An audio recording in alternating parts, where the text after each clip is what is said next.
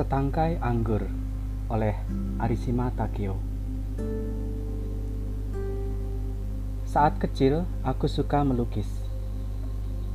Sekolahku berada di suatu daerah yang bernama Yamanote di Yokohama. Karena di kota itu banyak tinggal orang asing, maka guru-guru di sekolahku juga kebanyakan orang asing. Kemudian, jalur menuju ke sekolahku harus melalui jalanan di tepi pantai, di mana banyak berjajar hotel dan perusahaan-perusahaan orang asing. Kalau kita coba berdiri di jalan di tepi pantai dan mengarahkan pandangan ke laut yang biru, kita akan melihat banyak berjajar kapal-kapal, entah itu kapal perang ataupun kapal dagang. Asap yang keluar dari cerobong kapal atau warna-warni bendera dari negara-negara di seluruh dunia yang terpancang dari tiang ke tiang tampak begitu indahnya. Sampai-sampai bisa membuat mata kita sakit bila terus-menerus memandangnya. Aku sering berdiri di tepi pantai dan menebarkan pandangan ke arah kapal-kapal itu. Ketika sampai di rumah, aku mencoba sedapat mungkin melukis pemandangan indah yang terekam dalam ingatan di kepalaku. Namun, warna nila laut yang tampak transparan itu dan warna merah tua air laut yang terdapat di dekat kapal layar putih itu, bagaimanapun juga, sangat sulit aku lukiskan dengan tinta warna yang aku miliki. Seberapa keras aku berusaha melukisnya, aku tidak juga dapat melukiskan warna asli yang telah aku lihat. Aku jadi teringat dengan warna tinta dari luar negeri milik temanku di sekolah. Tentu saja, temanku itu pun orang asing, dan lagi ia berusaha berusia dua tahun, lebih tua dari aku. Karena itu, badannya sangat tinggi dan besar, hingga aku harus menunggakkan kepalaku bila memandangnya. Tinta warna yang dimiliki oleh anak yang bernama Jim itu adalah kiriman dari kapal yang sudah tentu berkualitas sangat baik. Kedua belas tinta warna itu dipadatkan dalam bentuk segi empat, seperti kayu-kayu arang kecil, berjajar dua baris, dan dimasukkan ke dalam sebuah kotak kayu yang ringan. Tinta warna yang mana? Tinta warna yang mana pun terlihat sangat indah terutama warna nila dan merah tuanya. Keindahannya benar-benar mempesona. Meskipun badan Jim lebih tinggi dari aku, ia sangat tidak pandai dalam hal melukis. Namun, ketika ia menggoreskan tinta warna miliknya, lukisan sebur apa pun tak ayah lagi terlihat begitu indahnya. Aku selalu iri terhadapnya. Kalau saja aku memiliki tinta warna seperti itu, aku pasti dapat melukiskan pemandangan laut menjadi benar-benar tampak seperti laut. Pikirku sambil melihat tinta warna milikku yang berkualitas buruk. Sejak hari itu, keinginanku untuk memiliki tinta warna seperti milik Jim sudah tidak terbendung lagi. Meskipun demikian, entah kenapa aku menjadi penakut. Aku tak punya keberanian untuk meminta kepada papa dan mama agar dibelikan cat seperti itu. Keinginan untuk memiliki cat warna seperti itu setiap hari memenuhi hati dan pikiranku. Entah kapan, aku tidak ingat dengan pasti, mungkin pada suatu musim gugur. Karena pada saat itu pohon anggur berbuah dengan sangat ranum seperti yang sering terjadi pada musim gugur menjelang kedatangan musim dingin. Cuaca hari itu pun sangat cerah, seolah-olah bisa melihat isi seluruh langit. Kami sedang menikmati bekal makan siang bersama para guru. Namun pada saat itu hatiku begitu gundah. Bagiku langit hari itu tampak begitu kelam.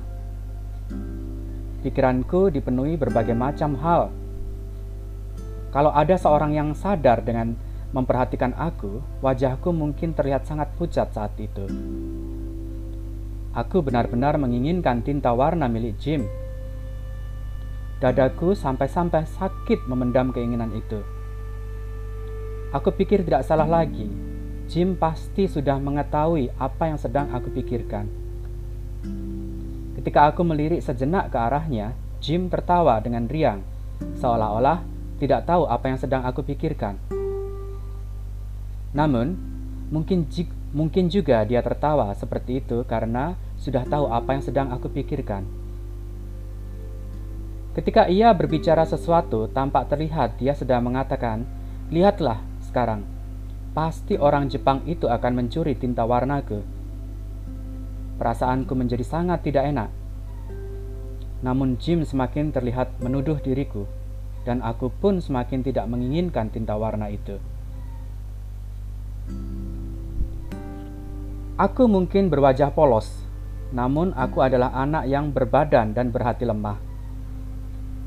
Selain itu, aku juga penakut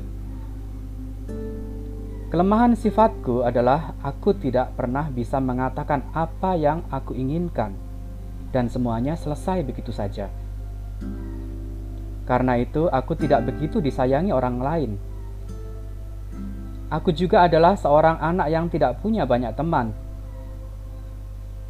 Setelah menyelesaikan makan siang, anak-anak lain secara aktif pergi ke lapangan untuk bermain di lapangan olahraga.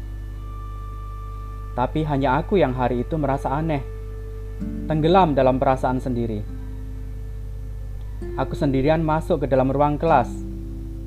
Hanya suasana di luar kelas yang terang. Di dalam kelas gelap, seperti suasana hatiku.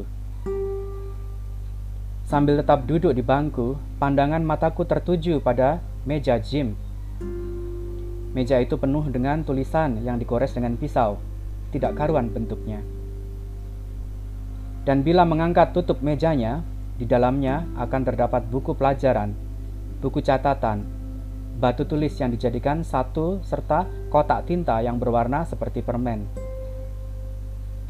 Kemudian, di dalam kotak tinta tersebut akan terdapat tinta warna nila dan merah tua yang berbentuk seperti batang-batang arang kayu. Namun, tiba-tiba raut mukaku memerah. Tanpa aku sadari, aku menoleh ke arah lain namun, tetap saja pandanganku tidak bisa menghindari meja gym. Jantungku berdegup hingga terasa sesak. Aku duduk mematung di bangkuku. Jantungku berdegup kencang seperti sedang dikejar-kejar setan dalam mimpi. Lonceng penanda masuk kelas berdenting dengan keras. Tanpa aku sadari, aku langsung bangkit berdiri dari jendela terlihat murid-murid yang sedang berjalan menuju tempat pencucian tangan. Mereka berteriak-teriak dan bersenda gurau dengan suara kencang. Tiba-tiba kepalaku terasa dingin seperti es. Dengan gemetaran aku berjalan sempoyongan ke arah meja gym. Seperti, seperti setengah bermimpi, bermimpi, aku buka tutup mejanya. Di situ seperti yang telah aku bayangkan, terdapat buku catatan yang bertumpuk dengan kotak pensil, serta kotak tinta warna yang telah aku hafal, dan dalam keadaan tertutup. Entah untuk apa aku sendiri tidak tahu, aku memandang sekelilingku. Dan setelah merasa tidak ada yang melihat, tanganku segera membuka tutup kotak itu. Mengambil tinta warna nila dan merah tua. Lalu aku segera memasukkannya ke dalam saku Kemudian, aku segera berlari menuju tempat berbaris untuk menanti kedatangan guru.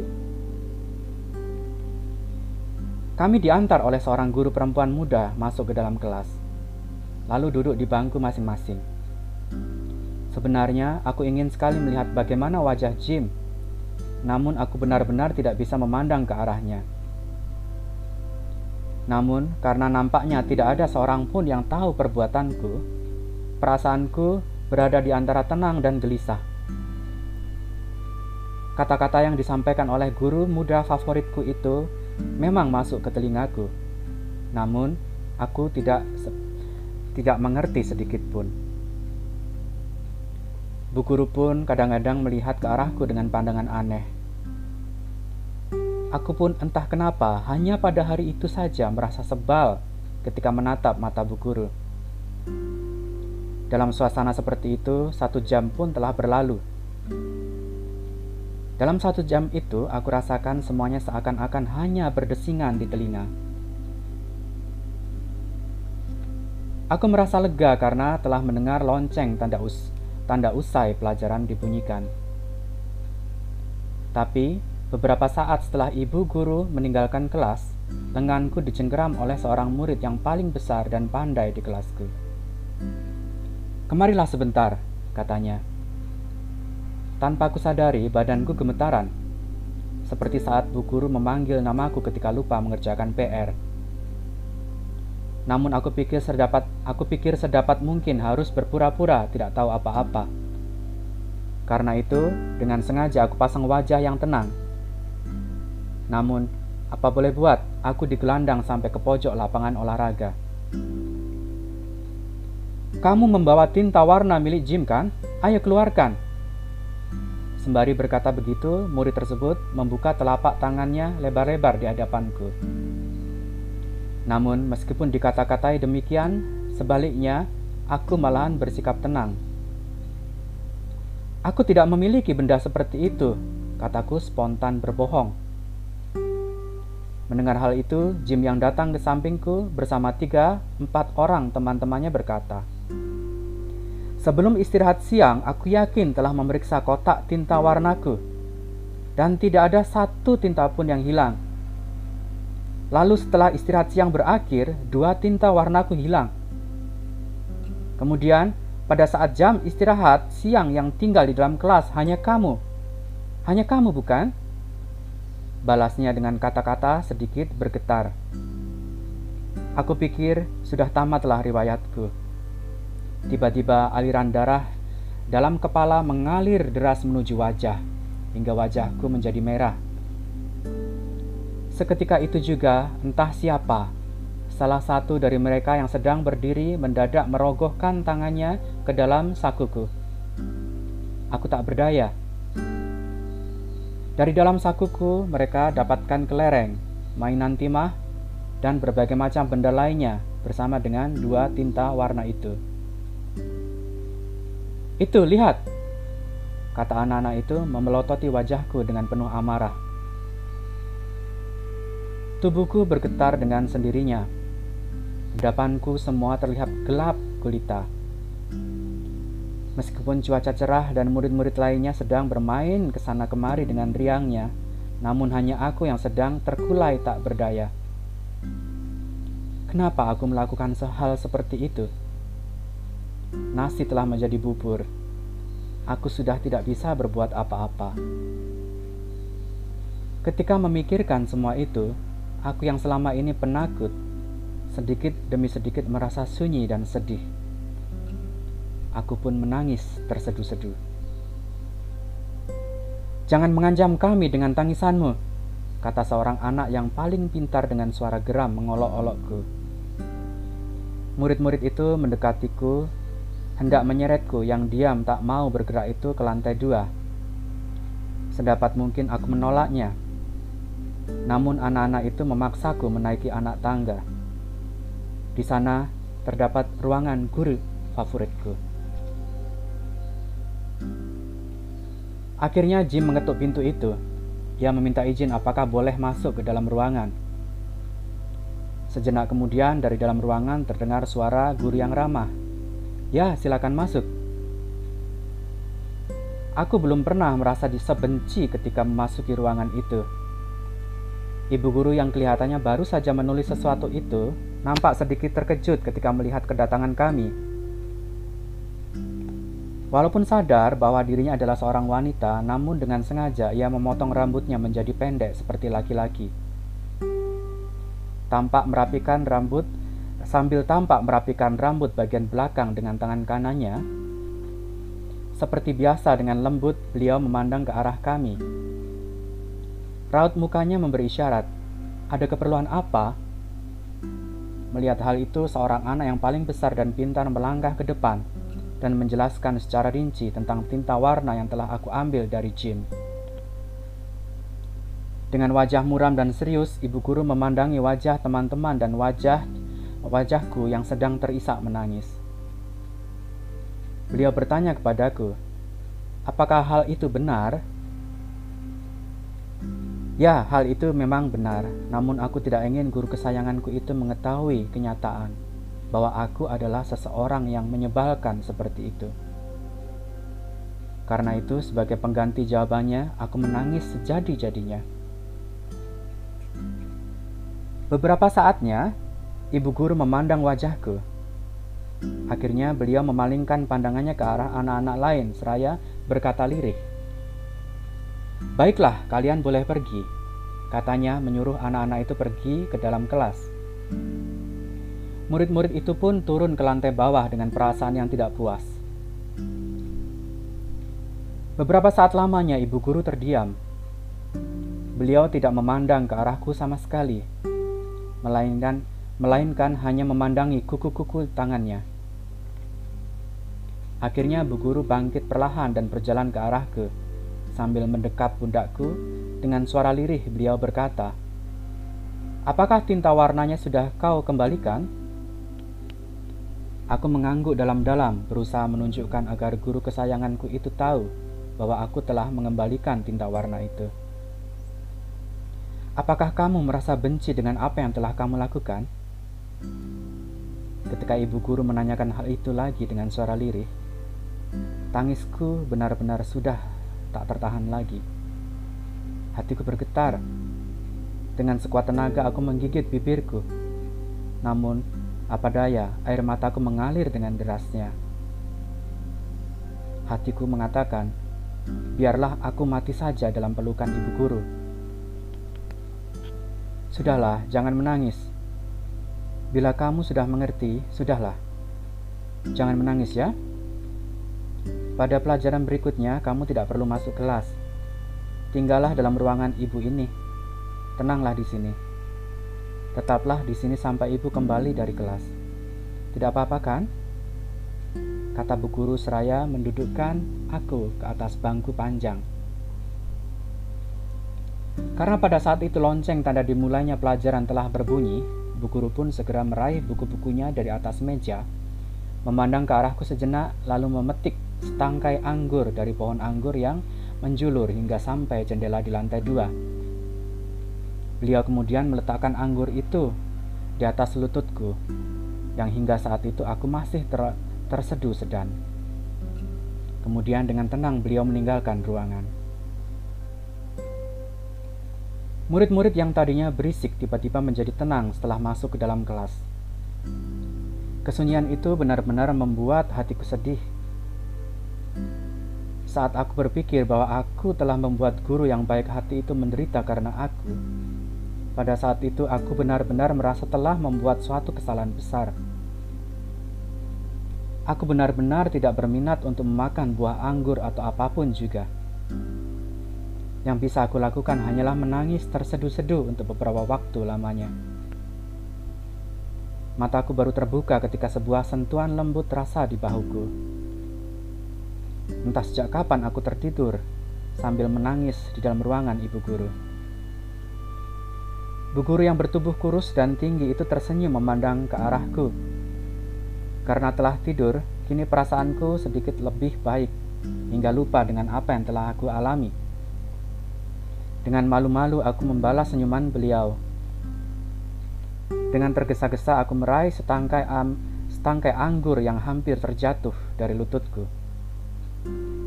Pada saat itu, aku jadi teringat kembali dengan peristiwa menyedihkan tadi.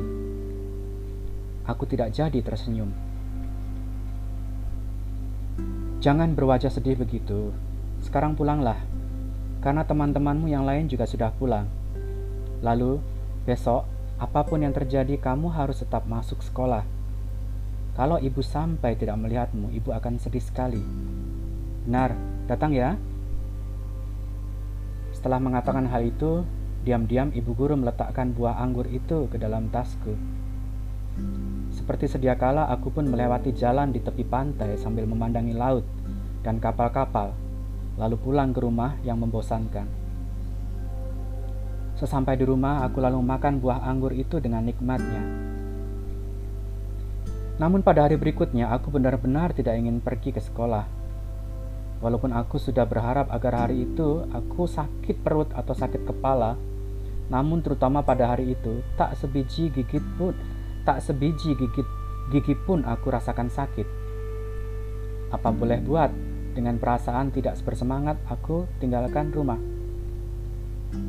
Aku berjalan gontai sambil berpikir keras. Bagaimanapun juga aku tidak ingin masuk ke dalam gerbang sekolah. Namun ketika aku ingat kata-kata ibu guru saat berpisah kemarin, aku jadi benar-benar ingat wajah uh, beliau.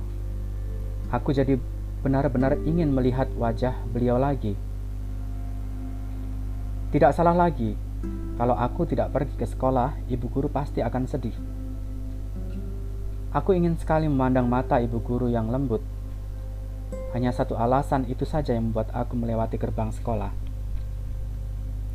Lalu apa yang terjadi? Mula-mula seperti telah lama menunggu kedatanganku, Jim melompat dan menghampiriku.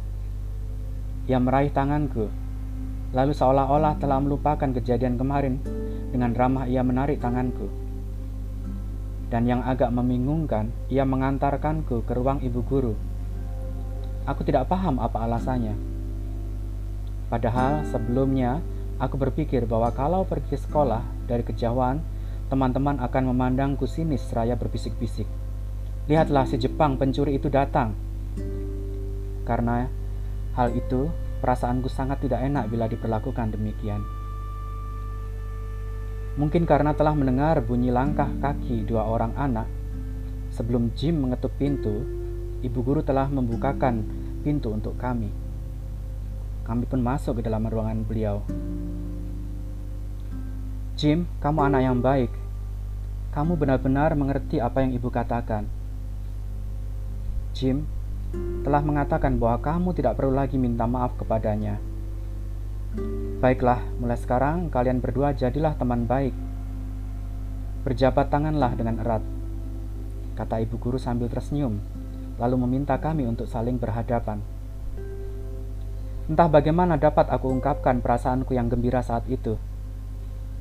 Yang aku bisa tidak lain hanyalah tersenyum malu.